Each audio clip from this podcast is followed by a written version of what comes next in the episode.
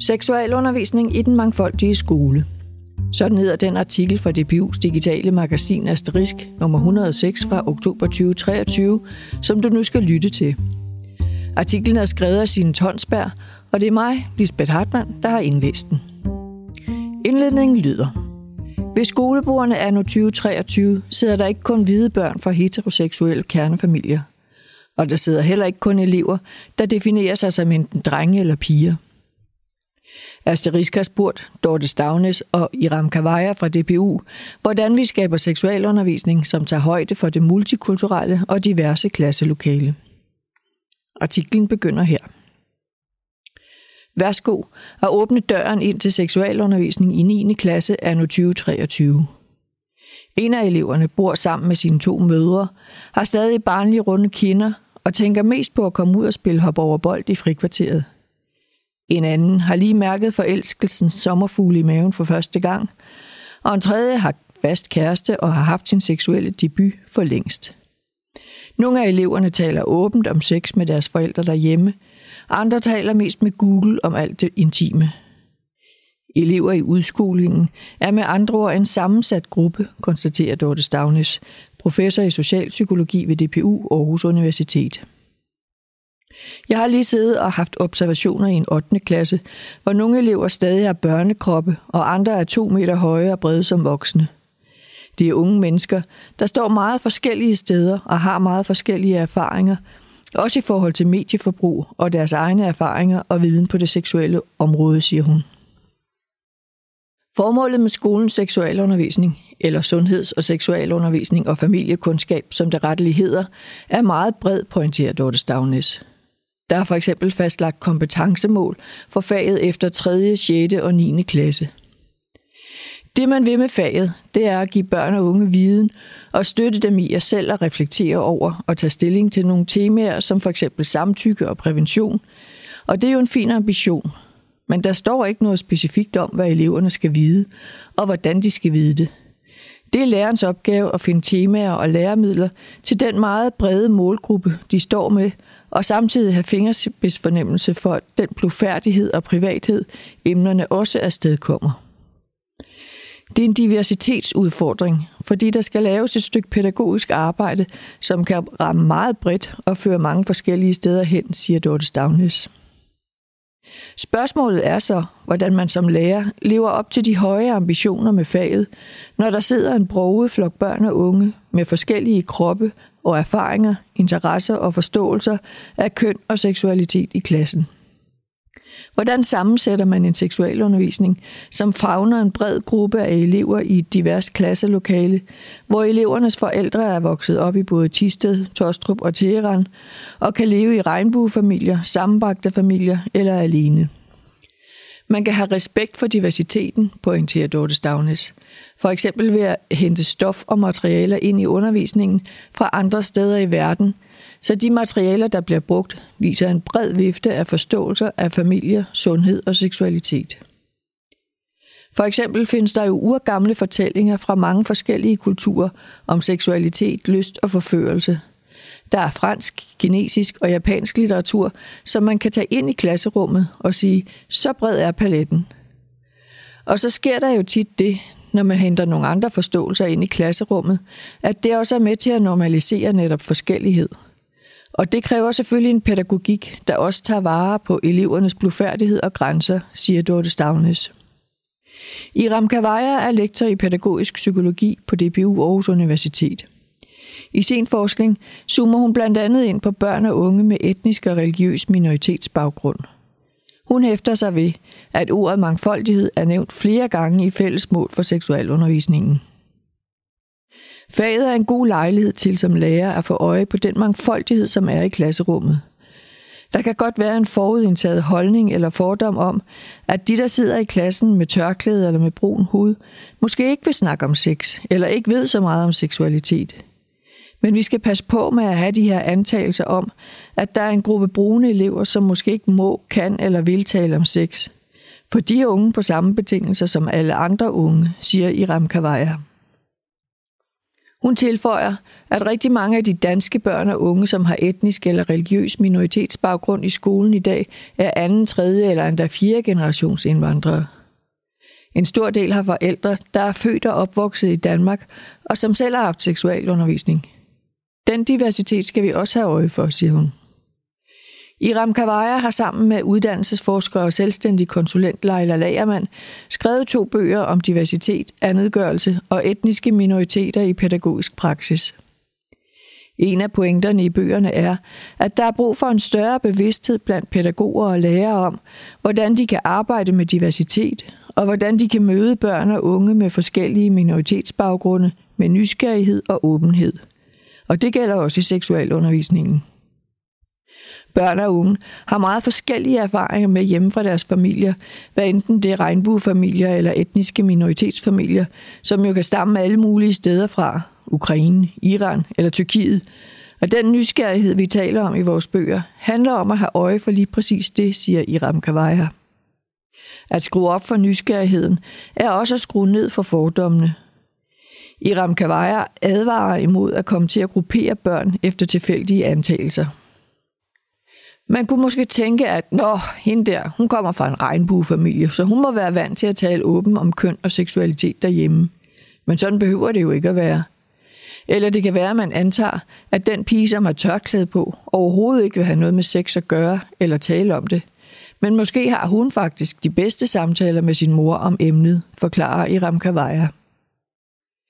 Når vi skal skabe god seksualundervisning i det mangfoldige klasserum, er det derfor nødvendigt med enormt kritisk blik, pointerer de to forskere. Men hvad betyder det egentlig konkret? Ja, det ligger næsten i ordet. Et kritisk blik på egne normer.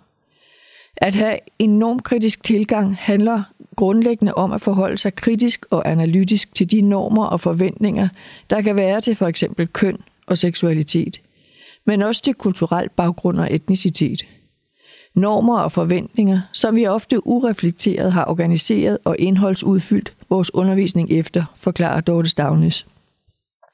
For selvfølgelig kan vi ikke tage for givet, at alle piger er stille og flittige og elsker at tage selfies og lave TikTok-videoer, eller at alle drenge er seje vildbasser, som elsker fodbold og at game Counter-Strike på computeren. Eller at alle piger med tørklæder eller drenge med brun hud har et bestemt syn på seksualitet. Normkritik handler om at sætte spørgsmålstegn ved alle de automatantagelser, vi kan have om hinanden, så vi undgår at putte hinanden i snævre kasser og på den måde give en skæv undervisning, pointerer Dorte Stavnes. En række forskellige aktører laver undervisningsmaterialer og holder oplæg på skolerne med udgangspunkt i en sådan normkritisk seksualundervisning – Asterisk. Vi egentlig har spurgt Dorte Stavnes og Iram Kavaja, om den normkritiske seksualundervisning kan betyde, at børn og unge med minoritetsbaggrund kommer i klemme, men den præmis vil de ikke købe. De ser nemlig ingen modsætning mellem en normkritisk undervisning og et mangfoldigt klasserum. Tværtimod. Det at have et normkritisk udgangspunkt i sin pædagogik og undervisning er en måde at arbejde med og gøre plads til den forskellighed, som findes i klasserummet. Og den forskellighed kan ikke reduceres til at handle om køn og seksualitet. Den handler lige så meget om etnicitet, religiøsitet og kulturel baggrund. Skal normkritisk pædagogik faktisk tage højde for klasserummet i hele dets mangfoldighed, må vi udvide begrebet om mangfoldighed til at omfatte alle disse forskelle, siger Iram Kavaja. Dorte Stavnes nikker og understreger, at pointen i den normkritiske pædagogik er, at man som lærer og skole er kritisk refleksiv i forhold til sine egne normer og diskuterer dem. For der kan være god grund til at sætte et spejl op for sig selv. Man skal have et spejl tilbage på sig selv, både som skole, som ledelse og som underviser. Man må for eksempel spørge sig selv, om man har en særlig mission med seksualundervisningen, og om det giver mening, at man har den mission – hvad kunne flette sig ind i ens egne tanker og normer om sundhed, seksualitet og familie? Og så handler det om at arbejde med at være responsiv og spørge sig selv. Når jeg serverer det her for mine elever, hvad kommer der så tilbage fra dem? Og hvordan kan jeg igen respondere på det, siger Dorte Stavnes. Begrebet responsiv, som Dorte Stavnes bruger, er vigtigt her. Respons betyder svar, men mere præcist at forudgribe i sit svar – så det at være responsiv handler om at lytte og reagere på det, man opfanger, inden man sender noget tilbage. Det vender vi tilbage til om lidt. Dorte Stavnes påpeger også, at seksualundervisningen er et godt sted at åbne op for nogle gode diskussioner om de forestillinger, eleverne har om hinanden. Det kan være med til at forebygge, at nogen føler sig andet gjorte, altså gjort anderledes eller forkerte af nogle andre. I en klasse er der alt muligt på spil, også det, der foregår uden for klasserummet mellem eleverne. Og lige præcis seksualitet er altid blevet brugt til at putte hinanden i andetgørende og ekskluderende kasser som billige piger eller frembusende drenge. Den mangfoldighedsunderstøttende seksualundervisning kan åbne for, at der er mange måder at forholde sig til seksualitet og lyst på. Også at det nogle gange er helt fint, at man bare er til at holde i hånden. Det er vigtigt, siger Dorte Stavnes. Både Iram Kavaja og Dorte Stavnes taler om responsivitet som et kernekompetence, man som lærer må sætte i spil i seksualundervisningen i det mangfoldige klasserum. Som lærer må jeg være responsiv, altså opmærksom på, hvem det egentlig er, der sidder i det her lokale, hvor jeg underviser, og så indrette undervisningens indhold og form efter det, som lærer jo også typisk gør, siger Iram Kavaja. Dorte Stavnes har sammen med Mante Vertelite, postdoc ved DPU Aarhus Universitet, forsket i responsiv diversitetspædagogik. Det er en pædagogik, som forsøger at koble normkritisk selvreflektion over forudindtagetheder, forventninger og diskrimination med en kulturel responsiv pædagogik. Studier peger på, at netop fagenes indhold og metoder privilegerer bestemte måder at organisere og prioritere viden på. Det gør adgangen til dem lettere for nogle elever og umulig for andre. Derfor må man i undervisningen både reflektere over, hvad man plejer, og udvikle en sensitivitet i forhold til elevernes forskellige erfaringer, forståelser og måder at være i verden på, siger Dorte Stavnes. Og det kan man gøre ved at undervise på mange forskellige måder. Bruge det fysiske skolemiljø aktivt og vælge mangfoldige tekster og materialer. På den måde kan eleverne udvikle og acceptere sig selv, og læreren får kritisk blik for de forskellige uligheder, der kan være i skolens fag, forklarer Dorte Stavnis. Iram Kavaja understreger, at der ligger et ret stort ansvar hos lærerne, ledelsen og skolen for at åbne op for det blik og udfordre deres egne fordomme og strukturelle forudindtagetheder, også når vi taler om seksualundervisning i et mangfoldigt klasserum. Vi skal tage den mangfoldighed seriøst og sørge for, at undervisningen er mangfoldig på alle måder. For det handler også om, at eleverne har forskellige grader af blufærdighed, er forskellige, når det handler om omfanget af erfaringer og er forskellige i graden af åbenhed for at tale om seksualitet, siger Iram Kavaja. Da Asterisk spørger de to forskere, om det ikke er en større opgave at bedrive seksualundervisning i et mangfoldigt klasserum på f.eks. Nørrebro, med elever fra både regnbuefamilier og minoritetsetniske familier, end i et mere homogent middelklasse-klasserum i provinsen, så ryster de begge på hovedet. For det er en falsk modsætning at stille op, mener de. Jeg tror ikke, at det er en større udfordring at undervise i seksualundervisning på Nørrebro end i Nørrenævl. Det handler mere om at være nysgerrig på præcis, hvad for nogle liv og kategoriseringer, der er i spil i lige netop det klasserum. Det handler om at kunne håndtere at stå med en gruppe elever med meget forskellige erfaringsuniverser, siger Dorte Stavnis. Iram Kavaja peger på, at årsagen til, at man kan opleve et klasserum på Nørrebro som mere mangfoldigt end et klasserum i en skole i provinsen, i lige så høj grad handler om, at forskellighederne eleverne imellem kan være mere eller mindre synlige. Og her har vi ofte en tendens til at fokusere på de mere synlige forskelle, siger hun. Det kan for eksempel være den måde, eleverne klæder sig, ser ud eller opfører sig på. Vi er typisk meget optaget af de synlige forskelle, men der er jo nogen, der bare ser anderledes ud end flertallet. Måske vi skulle i talesæt og forholde os til, at forskelle forekommer på mange forskellige parametre, også dem man ikke kan se, siger Iram Gavaya. Ofte kommer vi også til at hierarkisere forskellene, forklarer Iram Kavaja. I stedet for at forholde os responsivt og nysgerrigt til elevernes forskelligheder, kommer vi til at bedømme elevernes forskelle og måske ligefrem liste dem op i et usynligt hierarki. Det bidrager til at få børn og unge til at føle sig anderledes og forkerte, eller andet gjorte, som også er det begreb i Ramkavaya foretrækker at bruge.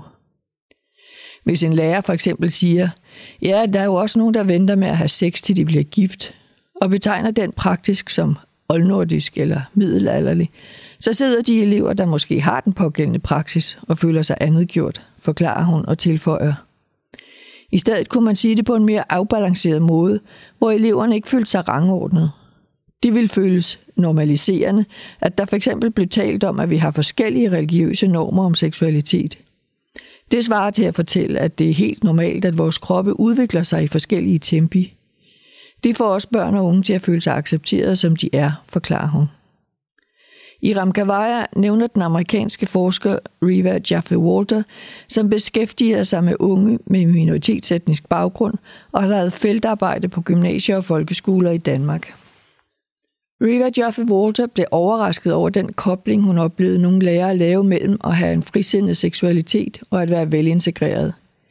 I sin bog Coercive Concern, altså påtvungen bekymring, påpeger hun, at det, der kan være rammesat som omsorg og pædagogisk vilje til at integrere særligt minoritetsetniske piger, har en underliggende integrationsdagsorden, som virker andetgørende og udskammende frem for at være rummende, siger Iram Kavaya. Begge forskere peger på, at det er helt afgørende for en vellykket seksualundervisning at skabe gode og etisk forsvarlige rammer og rum for samtalerne i klassen om seksualitet og køn når man arbejder med diversitet og mange forskellige slags mennesker med mange forskellige seksualitetserfaringer og forståelser, så bliver man nødt til at sætte rammen. Etikken er vigtig, så man får taget vare på alle i rummet og respekteret, at nu er det nok for nogle elever. For det gør, at de oplever, at det er et trygt rum, som de kan være i, siger Dorte Downes. Iram Kavaya supplerer. Sig for eksempel lige ud. Det her, det kan godt blive lidt pinligt og svært for nogen – og andre synes ikke, det er pinligt. Vi er på forskellige niveauer og har forskellige erfaringer. I talesæt, hvad der er i rummet på det niveau, hvor eleverne er. Det var artiklen Seksualundervisning i den mangfoldige skole fra DPU's digitale magasin Asterisk nummer 106 fra oktober 2023. I den skrevne udgave, som du finder på dpu.au.dk-asterisk, er der en faktaboks, forslag til videre læsning og information om de to forskere. Og der finder du også de øvrige artikler i asterisk nummer 106. Tak fordi du lyttede med.